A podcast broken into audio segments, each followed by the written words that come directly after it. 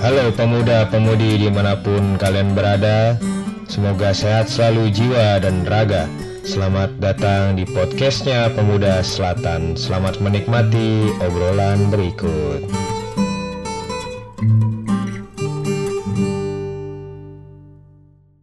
Oke, selamat pagi, siang, sore, malam. Kembali lagi di Pemuda Selatan Podcast.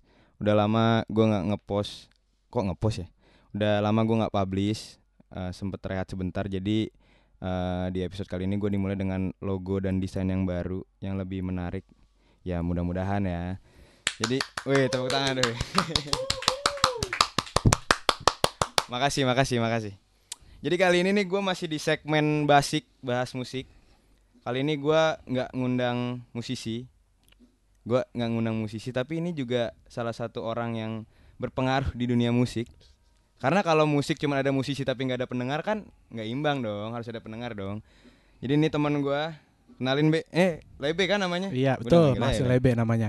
Jadi eh, Lebe ini teman gua eh, kuliah di Atma Jaya fakultas. Fakultas Hukum. Oke promosi ya. Promosi dong. Bagi teman-teman yang dengar mau masuk hukum kayaknya bagus tuh di Atmaja itu. Yoi. Macet doang tapi. Iya macet tuh. Cuman itu aja tapi keren-keren lulusannya. Yoi. Contohnya ini belum lulus belum lulus, belum lulus, belum lulus. Oke, kali ini kita mau ngomongin soal eh, musik tapi dari sisi lain. Jadi eh, Lebe ini anak hukum. Lu udah mau ngambil skripsi ya? Belum. ya? Cuman ancang-ancang ya. Masih ancang-ancang nyari judul-judul dulu. Judul-judul dulu. Nah, karena yang gua tahu nih Lebe ini salah satu pen- pendengar setia musik. Bener nggak? Eh, musik-musik lokal. Musik-musik lokal. Idola lu siapa, Be? Kalau di musik? Kalau paling-paling ya almarhum Bung Glenn. Oh iya, itu sih. Idola semua kayaknya tuh. Idola- idola Bukan gue doang. Betul, idola semua masyarakat. Nah kali ini gue mau ngomongin musik dari sisi lain yaitu dari sisi hukumnya ya, Yoi. sesuai dengan eh, jalur lu. Jalur. Kan lu anak hukum. Yoi, betul sekali. Kita mau ngomongin apa nih, Be? Kita ngomongin simpelnya bayaran yang harus didapatkan oleh sebuah pencipta lagu. Waduh, berat banget. berat ya simpel gini deh Eh seorang musisi tuh harusnya bisa dapat duit lebih banyak daripada orang-orang di, Oke. bukan di bidang musik Iya, iya, iya, iya. iya. Ini ini berkaitan sama eh, hak cipta gak sih? yo hak cipta tuh udah melekat tuh kalau musisi, musisi kan pasti punya karya Betul. dan harus sudah harusnya pasti dilindungi undang-undang itu yang mau Harusnya. kita bahas harusnya Harusnya. Cuman kita mulai nih dari yang kita lihat sekarang tuh kan kalau kalau secara pribadi gue lihat ya kayak ya, contoh ya kayak, kayak misalnya permasalahan KKI kemarin tuh. Ya betul. Kan sempat jadi oh Eh, viral banget itu. Mm, perbincangan kan katanya ada nyaplok sini lah nyaplok situ lah lu dari kacamata lu sendiri kayak gimana tuh? Kalau dari kacamata gue sih sangat disayangkan ya walaupun secara gua nggak dengerin lagunya ya. Mm, tapi gue lihat kalau dia udah punya karya tuh emang udah sepatutnya dia ya sekarang kita bisa lihat banyak lagu yang mirip. Bukan cuma lagu Iya, iya, dia benar-benar. mirip sama lagu A B C D E.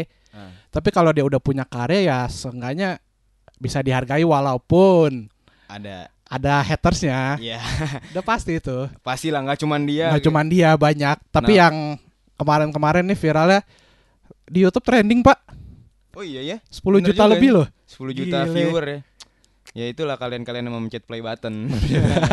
Ya kan niatnya untuk menonton karya. Menonton karya. Seorang KKI gitu ya. Terus ini kita membahas tentang tadi yang lu bilang soal eh, royalti ya. royalti lah Ya. kasarnya dari dari ilmu nih yang lu pelajari nih. Yang lu bisa sharing ke kita tuh apa sih tentang? Kalau bahas itu sih kita berbasic pada Undang-Undang Hak Cipta ya, nomor 24 tahun 2014. mantap banget tuh.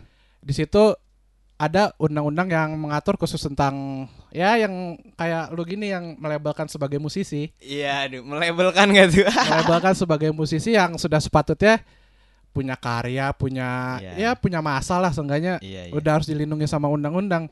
Paling sih ya dasarnya sih dari undang-undang itu. undang-undang itu sebenarnya isinya apa sih banyak kayak er, balik lagi ke hak cipta Ba- banyak sih hak cipta tapi yang dasarnya tuh royalti gitu-gitu buat kalau lu ka- punya musik Mm-mm. terus di cover orang nggak pakai izin masukin Spotify masukin YouTube. Duitnya? Oke. Duitnya buat yang cover buat yang itu, cover. Bukan yang menciptakan. Bukan yang menciptakan kasarnya gitu. Oh gitu. Yang yang berlaku sampai sekarang tuh itu berarti? Ya yang sekarang sih undang-undang 24 2014 Ah, ah, iya iya iya. Tahun 2018 tuh kalau lu ngikutin dari almarhum Bung Glenn lagi dia menginisiasikan RUU tentang musik. Hmm. Jadi dia membahas tentang ekosistem musik yang sudah sepatutnya dibuatnya undang-undang sendiri, bukan bergantung pada undang-undang hak cipta lagi karena musik berkembang. Iya betul. Dulu betul. cuman musik masukin TV, radio udah. kelar Ada Spotify, ada YouTube, ada yang cover lagu orang. digital platform Digitalnya lah ya. lebih banyak dan perkembangannya tuh lebih gila lagi dibanding 2014 sih. Menurut gue masih jarang yang main YouTube. Hmm. Kasarnya sih gitu. Kalau dari sisi ilmu hukumnya tuh sebenarnya huk undang-undang musik ini masih karet nggak sih menurut lu? Kalau karet sih ya lumayan. Kasarnya tuh kayak yang paling salah satu pasal yang paling unggul itu lu bisa dikategorikan sebagai musisi itu kalau punya sertifikat Oke, sertifikat dari dari lembaga yang meng, kayak lu kayak mengakomodasi. kursus, kayak kursus dapat sertifikasi iya iya iya. baru bisa disebut musisi. Oke, berarti formalitasnya ya. Formalitasnya gitu. dan banyak oh rame banget kemarin bahas RUU permusikan kan. Jadi dianggap harusnya musisi itu bisa otodidak, bisa ada yang otodidak, ada yang belajar sih. Hmm. Tapi kalau yang otodidak nggak bisa diakomodir dari yang dari sertifikat ini, gimana mati Iya. aja. Bener sih. Jadi harus ada istilahnya formalitas dulu yang berbentuk sertifikat. Mm-mm. Berarti orang itu mempunyai hak cipta. Mempunyai hak cipta, Ketika ah, dia membuat suatu karya. Nah dari hak cipta sendiri nih, Be. Sebenarnya hak cipta sendiri tuh eh, definisinya tuh apa sih? Hak cipta tuh hak yang melekat di lu nih. Kalau lu punya lagu misalkan, Heeh. Melekat sampai 70 tahun semenjak lagu itu keluar sampai lu mati berlakunya 70 tahun ke depan. Oh itu hak cipta. Hak cipta, hak yang melekat di diri lu kalau lu punya lagu, video, Heeh. foto, pokoknya karya yang berintelektualnya. Oh jadi jadi hak cipta itu eh, lekat dengan se- seseorang yang Seseorang membuat karya, membuat karya. dan karyanya. Mm-mm. Dan itu eh, dampaknya apa tuh buat orang-orang kan sekarang kan banyak banget tuh yang mau eh, ngikutin karya ini, ngikutin karya itu. Duit lah. Oh duit ya. iya duit. Ya duit sama ya mungkin populer lah ya bisa dibilang. ya, ya tanpa kita pungkiri Ya, ya. tanpa kita pungkiri populer sama yang pertama populer, yang kedua pasti pundi-pundi money. Oke. Nih kan lu eh, kuliah sebagai anak hukum nih. Ada nggak sih materi kuliah lu yang membahas tentang ini sebenarnya? Ada tentang hukum atas kekayaan intelektual. Mungkin itu banyak turunan-turunannya dari itu ada ada hak cipta, hak intelektual, hak paten, gitu-gitu sih. Nah, yang ki- tadi kan lu bilang ada hak cipta kan? Hmm. Nah, yang lu dapatkan selama ini tentang hak cipta tuh apa? Kalau sepahaman gua yang gue dapat itu hak cipta tuh ya balik lagi ke itu.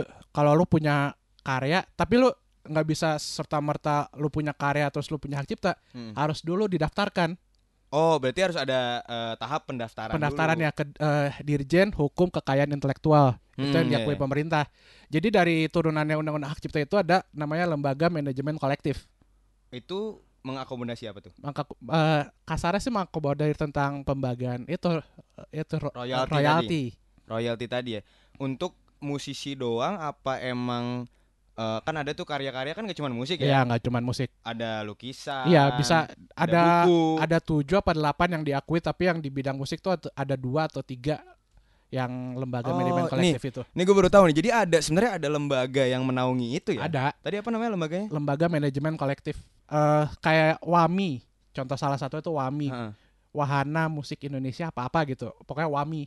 Jadi dia Oke. bertugas kayak lu daftarin apalah berhubungan dengan karya lu, Mm-mm, ada orang make nih mm-mm. cover di YouTube apa atau enggak di bawah off air. Oh iya, iya bisa. Dia kan dapat duit tuh. Betul. Sudah seharus dan sepatutnya dia membagikan 10-20% dari apa yang dia dapat.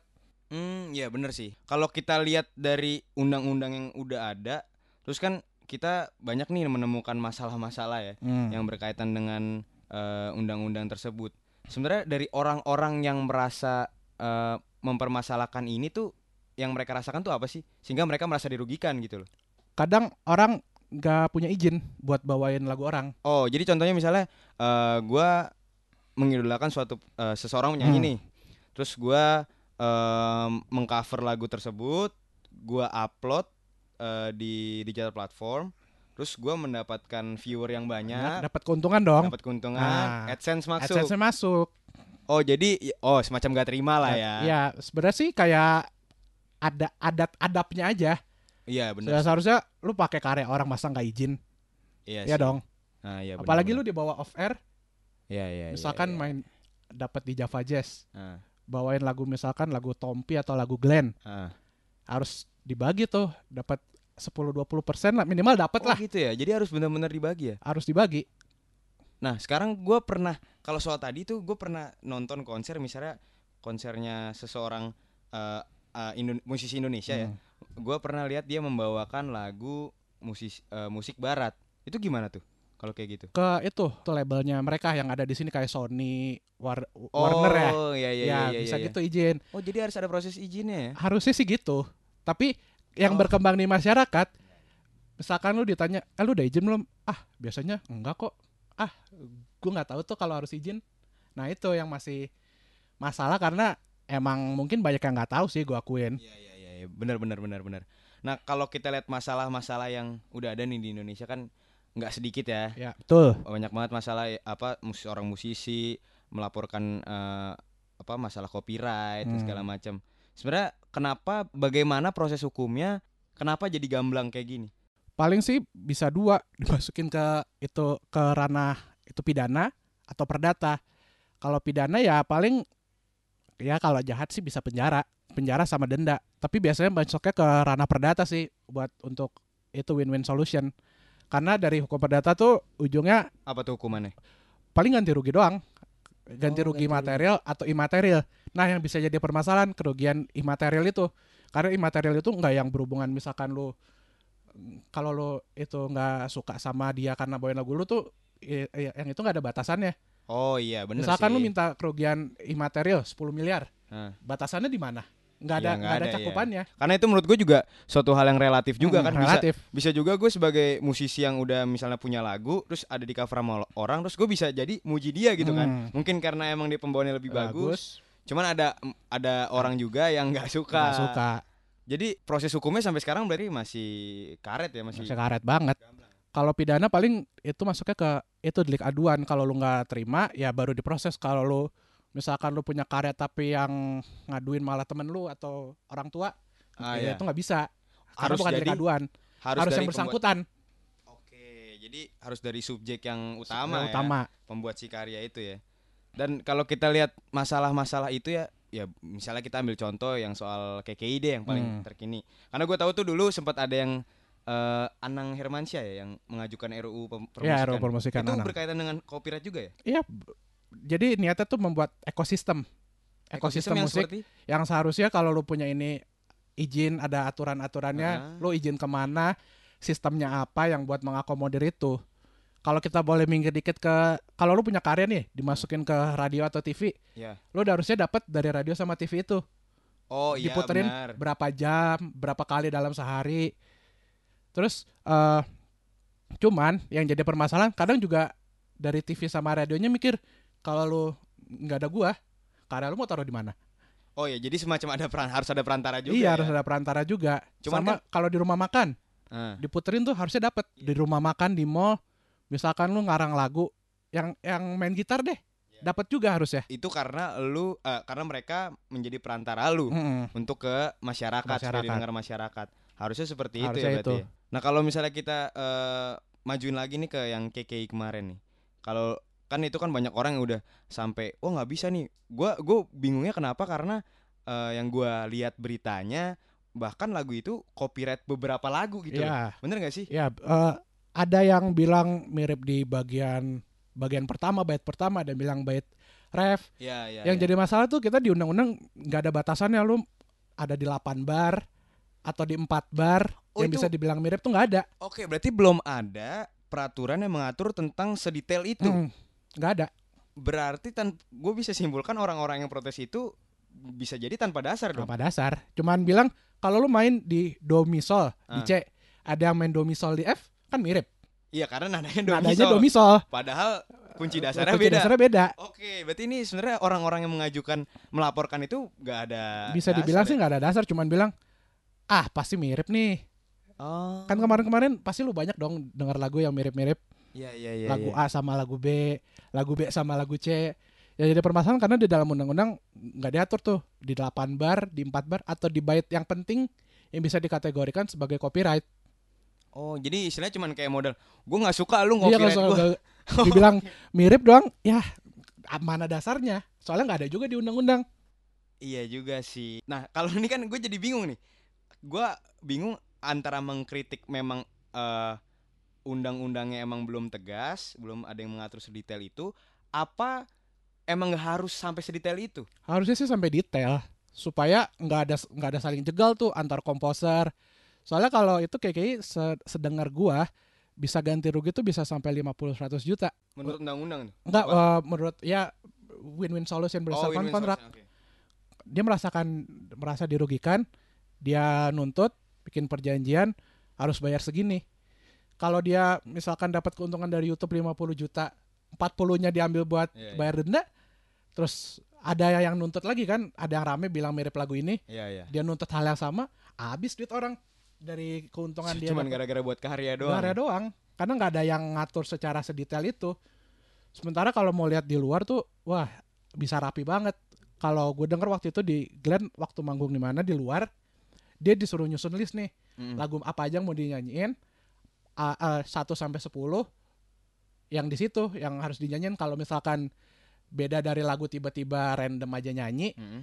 Ntar dia pas turun panggung ada orang dari negara itu yang buat eh lo ada denda nih karena Iya. lo nggak masukin di songlist Oh. dan dia pas nyusun songlist itu dia suruh bayar juga tapi nanti bayar baliknya ke dia juga udah serapi itu udah serapi itu ya. Itu kalau luar. kalau luar Kalau luar, oke. Kita ngomong. Cuman kalau misalnya kalau tadi, semisal kita Hmm. berandai-andai, misalnya akhirnya eh, ada undang-undang yang mengatur sampai sedetail itu.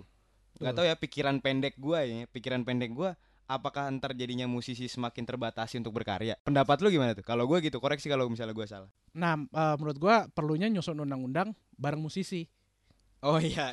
Kalau nggak salah Cetus Glenn waktu itu ya? Iya Cetus Glenn sama yang Tompi ya Tompi juga ada gak sih? Iya ada tapi harus bikinnya tuh rame-rame jangan lu cuma nyatusin tapi lu nggak ikut ke dalamnya Oh iya iya iya. masa yang bikin undang-undang tentang musik yang bikin misalkan orang teknik Oh, Oke. kan nggak oke. masuk Iya iya. Berarti, Masalahnya gua, berarti gua nggak masuk ya.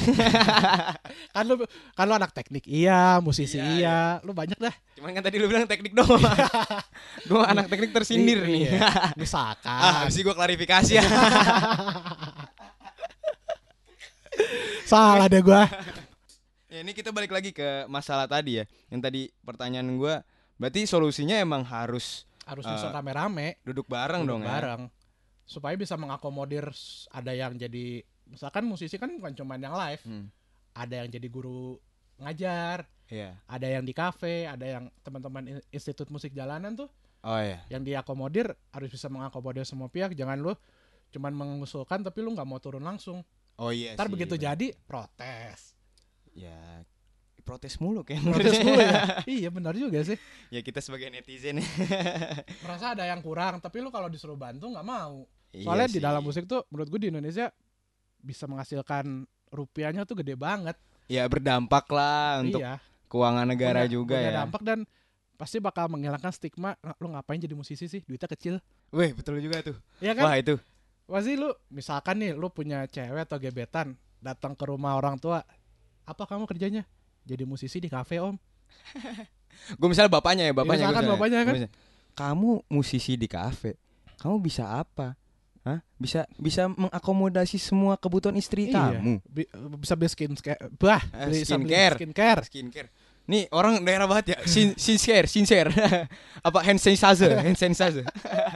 Skincare iPhone baru tiap tahun bisa nggak ngakomodir jujur ya, jujur ya kalau kalau gua digituin gua nggak terima loh. Nah itu dia, makanya menurut gua kalau bisa diatur dengan baik, ada sistemnya, wah gila lu makmur makmur deh. Lu bikin satu karya yang cover banyak, yang muterin Iya. banyak. Jadi Hotman Paris loh. Mantep banget. Langsung kopi Joni. Kopi Joni. kopi Joni. Mainnya di kafe tapi kita. di kafe. di ya? kafe. Salah. Oke, mainnya di Lapo. Nah, ini kita kan tadi bahas tentang hak cipta. Tadi lu sempat menyinggung soal eh, royalti ya. Hmm. Gue pengen cari tahu lebih dalam lagi soal royaltinya nih. Sebenarnya dari yang udah eh, lu ketahui kan gue sebagai orang awam ya. Sebagai lu ketahui itu sistem pembagian royalti khususnya ya, khususnya karena kita di segmen soal musik. Bagaimana sih sistem royalti di musisi-musisi Nah saat itu ini juga nggak ada tuh. Oh, nggak ada Nggak ada. Misalkan nih lu punya lagu A, ini punya lagu B, Iya. diputerin di tempat yang sama. Lu dapat 10 juta, ini dapat 2 juta. Karena bisa? kalau misalkan lu dapatnya karena ya lu lebih itu terkenal Padahal yang sering diputerin lagunya dia. Jadi jadi beneran emang belum ada sistem yang tegas belum ya? Ada, belum ada sistem yang tegas buat kayak ya kalau lo lebih famous dapatnya lebih banyak. Nah, Cuman- ada. Cuman karena modal punya masa. Mm-mm. Jadi lu dibayar lebih. nggak ada pembagiannya yang harusnya gini gini gini. Hmm. Tapi kalau menurut sendiri nih, ini menurut gua masalah yang eh, baru gua ketahuin ya. Menurut lu sendiri dari masalah itu ada nggak sih solusi yang bisa eh lu kasih tahu atau ide lu tuh sebenarnya apa sih? Kalau soal itu sih paling gue bikin sistem kayak buat itu kayak misalkan makanya di itu Spotify misalkan yang Hmm. punya pemerintah semua mall, kafe, rumah makan harus diputerin lagu dari situ biar gampang di itu di track Oh. lagu A berapa kali sehari, lagu B berapa kali sehari. kesannya kesannya kayak supaya lebih teratur aja. Iya, soalnya gue jujur misalkan gue punya rumah makan disuruh bayar Bayar. bayar, itu susah tracknya. Kan kadang muterin lagu sesuai mood kita. Iya sih, bener. Sesuai dengan crowd juga. Crowd juga misalkan kita disuruh ny- nyatet di buku lagu ini jam segini, lagu ini jam segini, abis duluan buat ngetik ini daripada ngurusin bisnis. Iya, iya, bener, bener juga ya, bener, bener. Cuman itu berlaku nggak sih untuk kayak eh, eh, orang-orang yang eh, sekarang pekerjaannya mungkin sebagai orang yang reg- suka reg- reguleran atau session player yang yang main-main tadi lu bilang di rumah makan di mana itu berlaku juga? Harusnya berlaku juga karena dia mem- membawakan lagu orang Heeh. dibayar dong di kafe. Nah, nah, itu gimana tuh? Kan dia membawa karya orang. Balik lagi nih ke hak cipta tadi. Mm-mm, Itu jadi masalah juga. ya selama nggak kalau nggak rame ya Iya, iya, iya. Berarti kan relatif juga dong. relatif juga tapi sudah seharusnya dia tuh bayarlah berapa 10-20% dari yang dia dapat Oke, berarti logikanya gua membawa misalnya lu eh, sebagai pencetus karyanya, eh gue denger nih karya lu enak, enak nih. nih gue bawain di kafe ah Gue mau gue lagi mau nyari duit, gue bawain reguler di kafe supaya duit itu ada masuk ke gua, gua harus nyari crowd dong. Hmm. Nah, lagu ini cocok nih buat nyari Ya, crowd nih. tuh Berarti gua nggak di situ gua nggak bisa mikir kalau duit itu cuman ke gua. Mm-mm. Berarti harus ke orang oh itu poin penting tuh. makanya pentingnya lu daftarin lagu lu ke itu lembaga tadi manajemen kolektif supaya lu kalau lu di ada di sini ya dari A masukin ke lembaga ini dari lembaga ini yang ngasih duit ke lu Oke, oke, oke, oke. Itu royalti ya. Mm-mm. sebagai contoh aja lu tau nggak siapa pencipta asli lagu Bento Tahu tuh, gua gua baru baca beritanya tadi. Gua baru ba- iya yang baru kemarin baru baca meninggal. tuh gua beritanya Nah, tadi. Kalau nggak salah ini kan ya apa namanya? Dia eh, sebenarnya lagu Bento itu bukan punya Iwan Fals kan? bukan punya Iwan Bukan Fals. ciptaan Iwan Fals kan? Bahkan eh, yang pencipta Bento ini Bento ini di masa tuanya sebelum dia almarhum kalau nggak salah hidup susah, Susah ya? hidup susah Wah itu bukti tuh. iya kan dan coba lu tanya ke yang sekarang sekarang lu tau lagu Bento tahu siapa yang nyanyi eh siapa yang menciptakan Iya. pasti Iwan Fals Padahal bukan. padahal bukan Dan bahkan sekarang artis-artis kalau misalnya lagi manggung bawain lagu Bento. hmm, Itu double banget tuh. double tuh Double banget. Oh kalau misalnya gue harus bayar, oh gue bayar ke Iwan Fals kok. iya Padahal masih ada pas penciptanya pencipta lagi. aslinya heeh. Waduh itu makanya kalau lu lihat lu kalau lihat di luar negeri orang punya satu karya bisa kaya seumur hidup lagunya diputar di mana-mana famous Iya iya iya. nikmat dunia itu Berarti ini penting juga nih buat buat eh, mungkin buat musisi-musisi yang masih mau cover-cover Iya, atau bahkan musisi-musisi yang ya yang udah gede malah yang udah gede ya iya dan yang baru berkembang juga mungkin ya. kalau gue bisa ambil kayak kemarin Eklat tuh Oh, waktu Eklat. gua Eklat story Heeh. dia upload lagunya cover mereka di Spotify Mm-mm. nggak punya izin Oh, gak punya izin. nggak punya izin nggak tahu mereka seorang di kota lah ya Iya iya iya. nggak punya izin di take down semua di Spotify Oh, itu udah jelas beritanya. ya? udah Nggak hoax ya? Nggak. Oh, dia Gua ngom- baru tahu mereka yang ngomong sendiri semuanya di take down nggak punya izin oh, mereka buat klarifikasi. di channelnya Manji hampir berapa puluhan apa ratusan gitu dia bayar denda Hmm, wow. Lumayan ya. double tuh lu punya karya di- cover di YouTube Hah. yang mentahnya lu masukin Spotify di YouTube gak punya izin Spotify nggak punya izin matilah kau Iya sih. Ka- soalnya cover. cover Cover. Kecuali lu emang berusaha bikin lagu sendiri lagu itu sendiri itu masukin YouTube itu dan lu bisa melakukan hal yang sama ke orang yang cover misalkan lu Iya. punya lagu benar juga sih benar-benar kalau kalau dengan sistem yang nggak ada ini soal-soal pembagian royalti Hmm. segala macam dampaknya apa ya kira-kira ya kalau beneran kayak gini terus gitu ya ada pencipta bento di berikut berikut berikutnya. Oke, suka nih gua Kasar, nih. kasarnya kan gitu. Iya iya. Tapi gue pernah denger ya ngomong-ngomong nih Glenn Fredly itu almarhum pernah bilang kalau dia tuh buat lagu setelah keluar lagu itu keluar eh, nyampe telinga masyarakat udah bukan punya dia lagi tuh. Iya, Udah udah punya masyarakat. punya. Itu kan dalam konteks kalau dia ditanya dia suka sama anak eh punya punya lagu yang paling dia suka tuh yang mana? Dia jawabnya pasti gitu. Cuman pas dia habis meninggal kemarin kan dari itu manajemennya untuk segala bentuk hak intelektual, video, gambar, lagu yang mau dipakai untuk mendapatkan keuntungan Oh harus iya, dilaporkan. Setiap kalau misalnya gua mau ngupload gitu eh, di YouTube tapi gue sadar kalau misalnya viewer gue dikit gitu kan itu kan nggak ngambil keuntungan mungkin kalau ya mungkin kalau ya ya se- eh, seenggaknya lapor. oh gitu jadi harus lapor ya Ya lap ya sebagai sebagai itu penghormatan lah. Lu pakai lagu orang iya iya untuk iya, lu mendapatkan views at- walaupun mungkin di dalam YouTube ya belum ada AdSense ya, sih. iya iya iya belum masuk lah. Belum masuk walaupun 100 200 sebenarnya sebenarnya bener sih harus kayak gitu ya. Ya namanya menghargai karya. Menghargai karya. Ya sudah lah ya lu lu kalau bisa sampai terkenal gara-gara itu lagu orang kan Hmm. masa lu nggak punya dikit lah kasih 10 20% buat yang nyiptakan iya sih benar benar benar.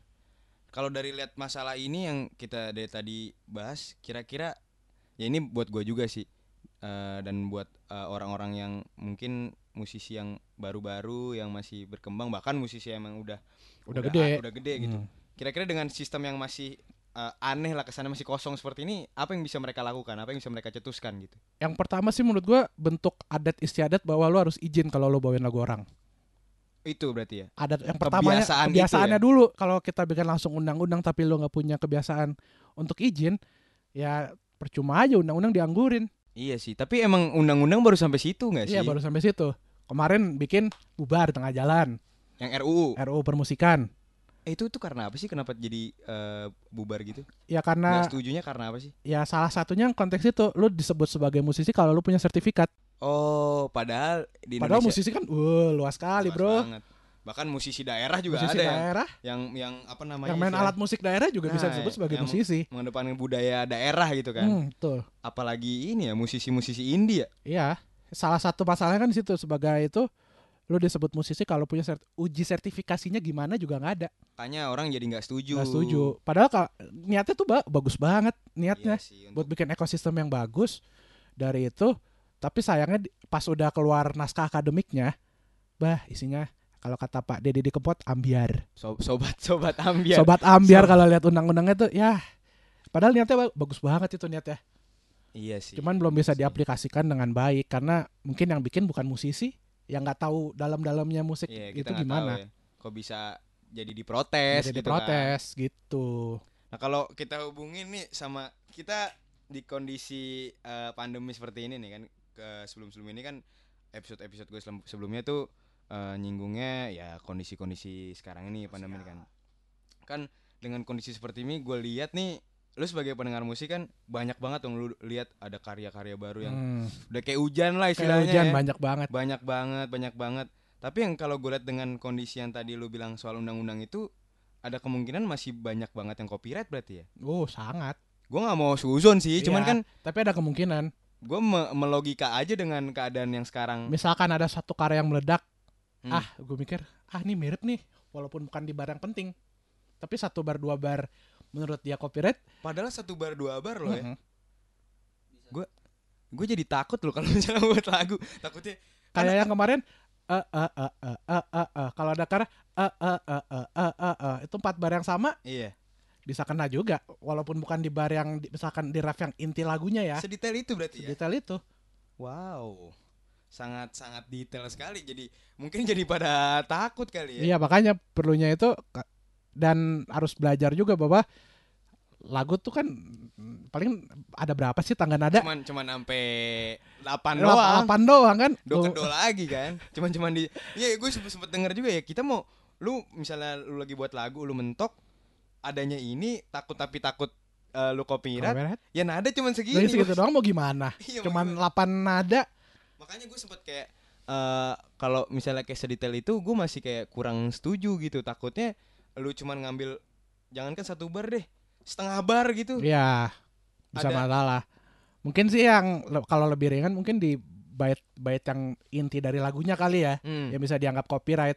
Cuman kalau dari nada aja dipikirin sampai copyright sih ya butuh ya butuh waktu lah. Secara nggak langsung lu sebagai musisi nggak harus eh, nggak cuman harus punya pengetahuan tentang lagu lu, tapi harus Aturannya juga. aturannya Iya. juga.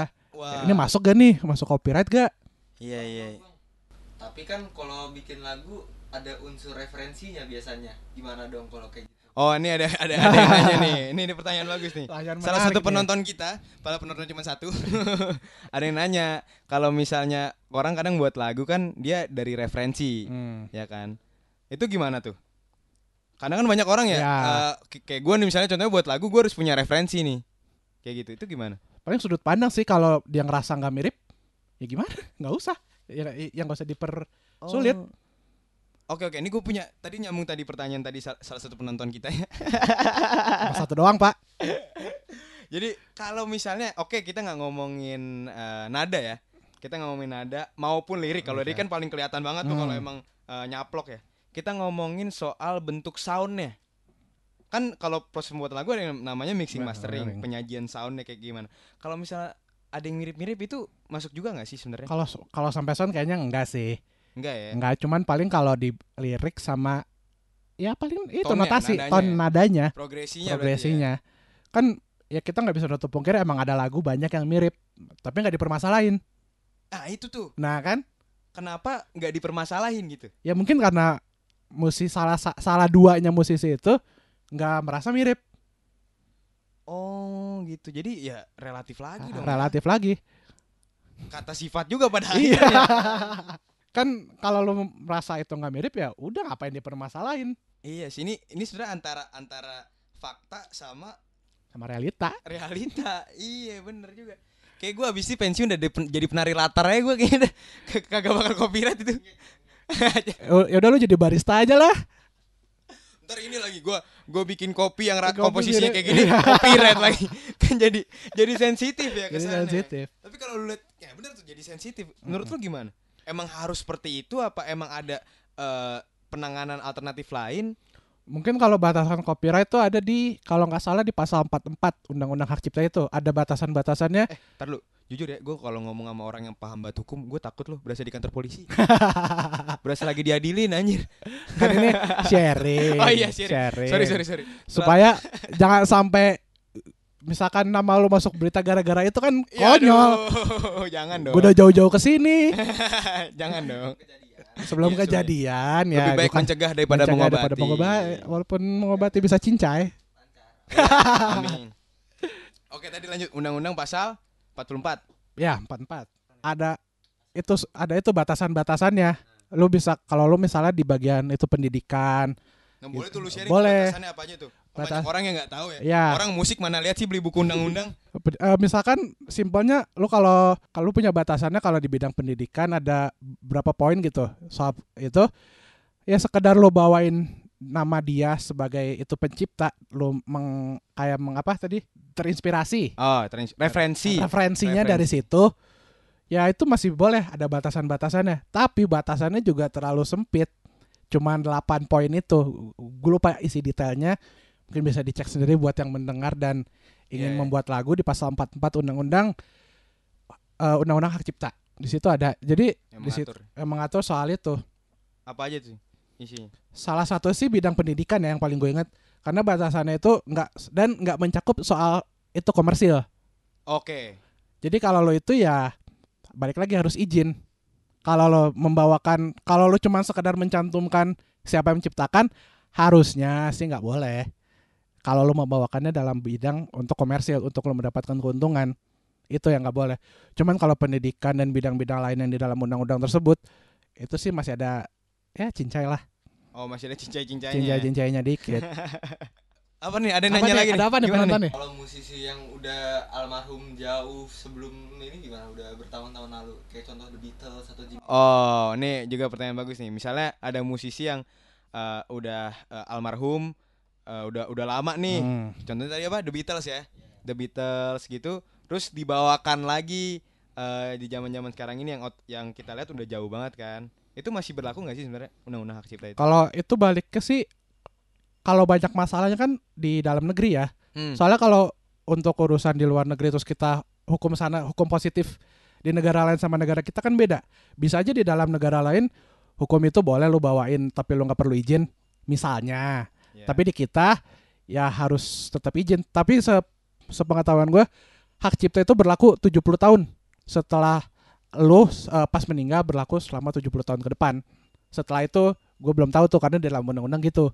baru sampai situ. Baru sampai sih 70, oh, berarti 70 itu tahun doang. Dit. Jadi 70 tahun setelah ya meninggal itu Cuman kan kalau konteksnya The Beatles gitu-gitu kan di luar tuh di Inggris. Gue nggak tahu hukum hukum positifnya itu gimana. Nah kalau Kus Plus ya boleh gitu.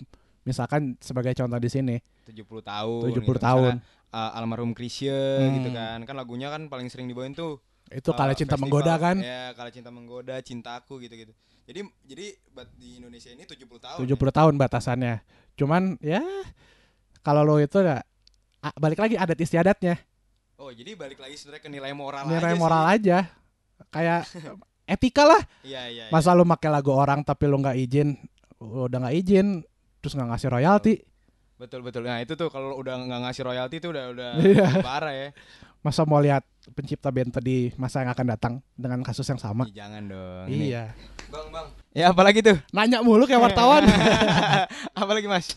ceritanya ini frequently asked question. Oh iya iya. iya. Berarti kalau misalnya gue mau iseng bikin cover cuman gitaran doang, kamera HP, upload YouTube gitu, gue tetap harus minimal nyoba izin gitu sama pemilik lagunya. Nah, itu gimana tuh? Sebenarnya bukan izin langsung ke pemilik ke itu tuh manajemennya.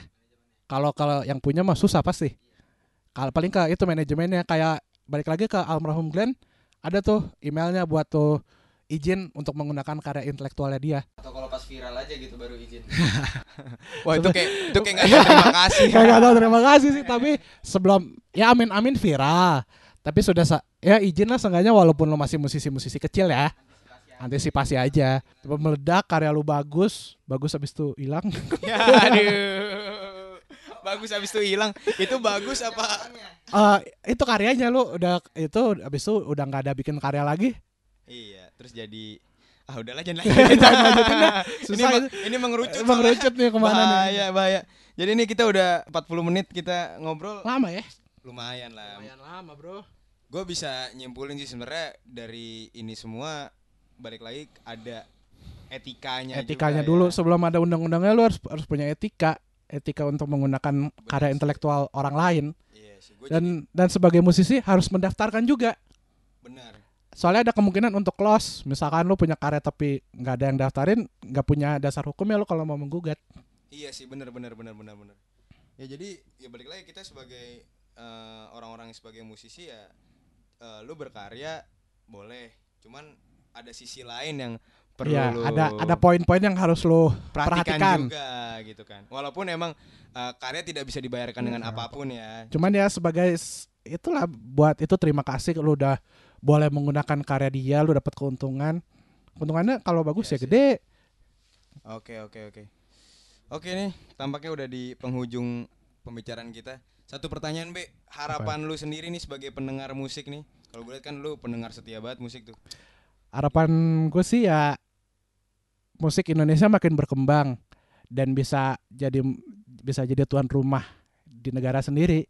Dan walaupun jadi tuan rumah tanpa harus memperhatikan unsur-unsur yang ada di dalam musik itu, lu nggak bisa lepas tangan juga. Jadi musik itu sebenarnya sederhana tapi dalamnya banyak Dalamnya detail uh ya. luas sekali, Bung. Iya iya iya iya. Oke oke gue jadi paham. Oke, thank you, Be. Untuk Sip. waktunya bisa ngobrol-ngobrol. Wih, tepuk tangan, Yes. tepuk tangan. Sepakat dong, sepakat. Semoga musisi-musisi yang baru niat untuk mengcover atau merintis kar- karir ya bisa memperhatikan unsur kecil sih sebenarnya. Cuman impactnya gede kalau lu kena. Betul betul betul. Jadi dari hal yang sederhana bisa Buah. Eh, bisa berdampak besar. Oke nih gue jadi paham banget. Semoga juga eh, pendengar-pendengar episode kali ini eh, bisa jadi lebih tahu pengetahuannya juga tambah apalagi ya amin episode ini kali ini didengar sama musisi-musisi juga ya. Musisi-musisi yang masih Amin. belajar gitu. Iya. Oke semoga ilmu yang tadi dibagi oleh Bapak Lebe ya Bapak Lebe Mas Lebe Mas Lebe. Semoga juga bermanfaat untuk eh, teman-teman semua sebagai yang pembuat karya maupun pendengar, Pendengar. dan penikmat karya. Terima kasih. Selamat pagi, siang, sore, malam. Semoga kalian sehat selalu di mana pun karya berada. Terima kasih. Halo pemuda-pemudi di mana pun kalian berada Terima kasih telah mendengarkan podcastnya Pemuda Selatan Semoga obrolan tadi menghibur dan berfaedah bagi kita semua Bye-bye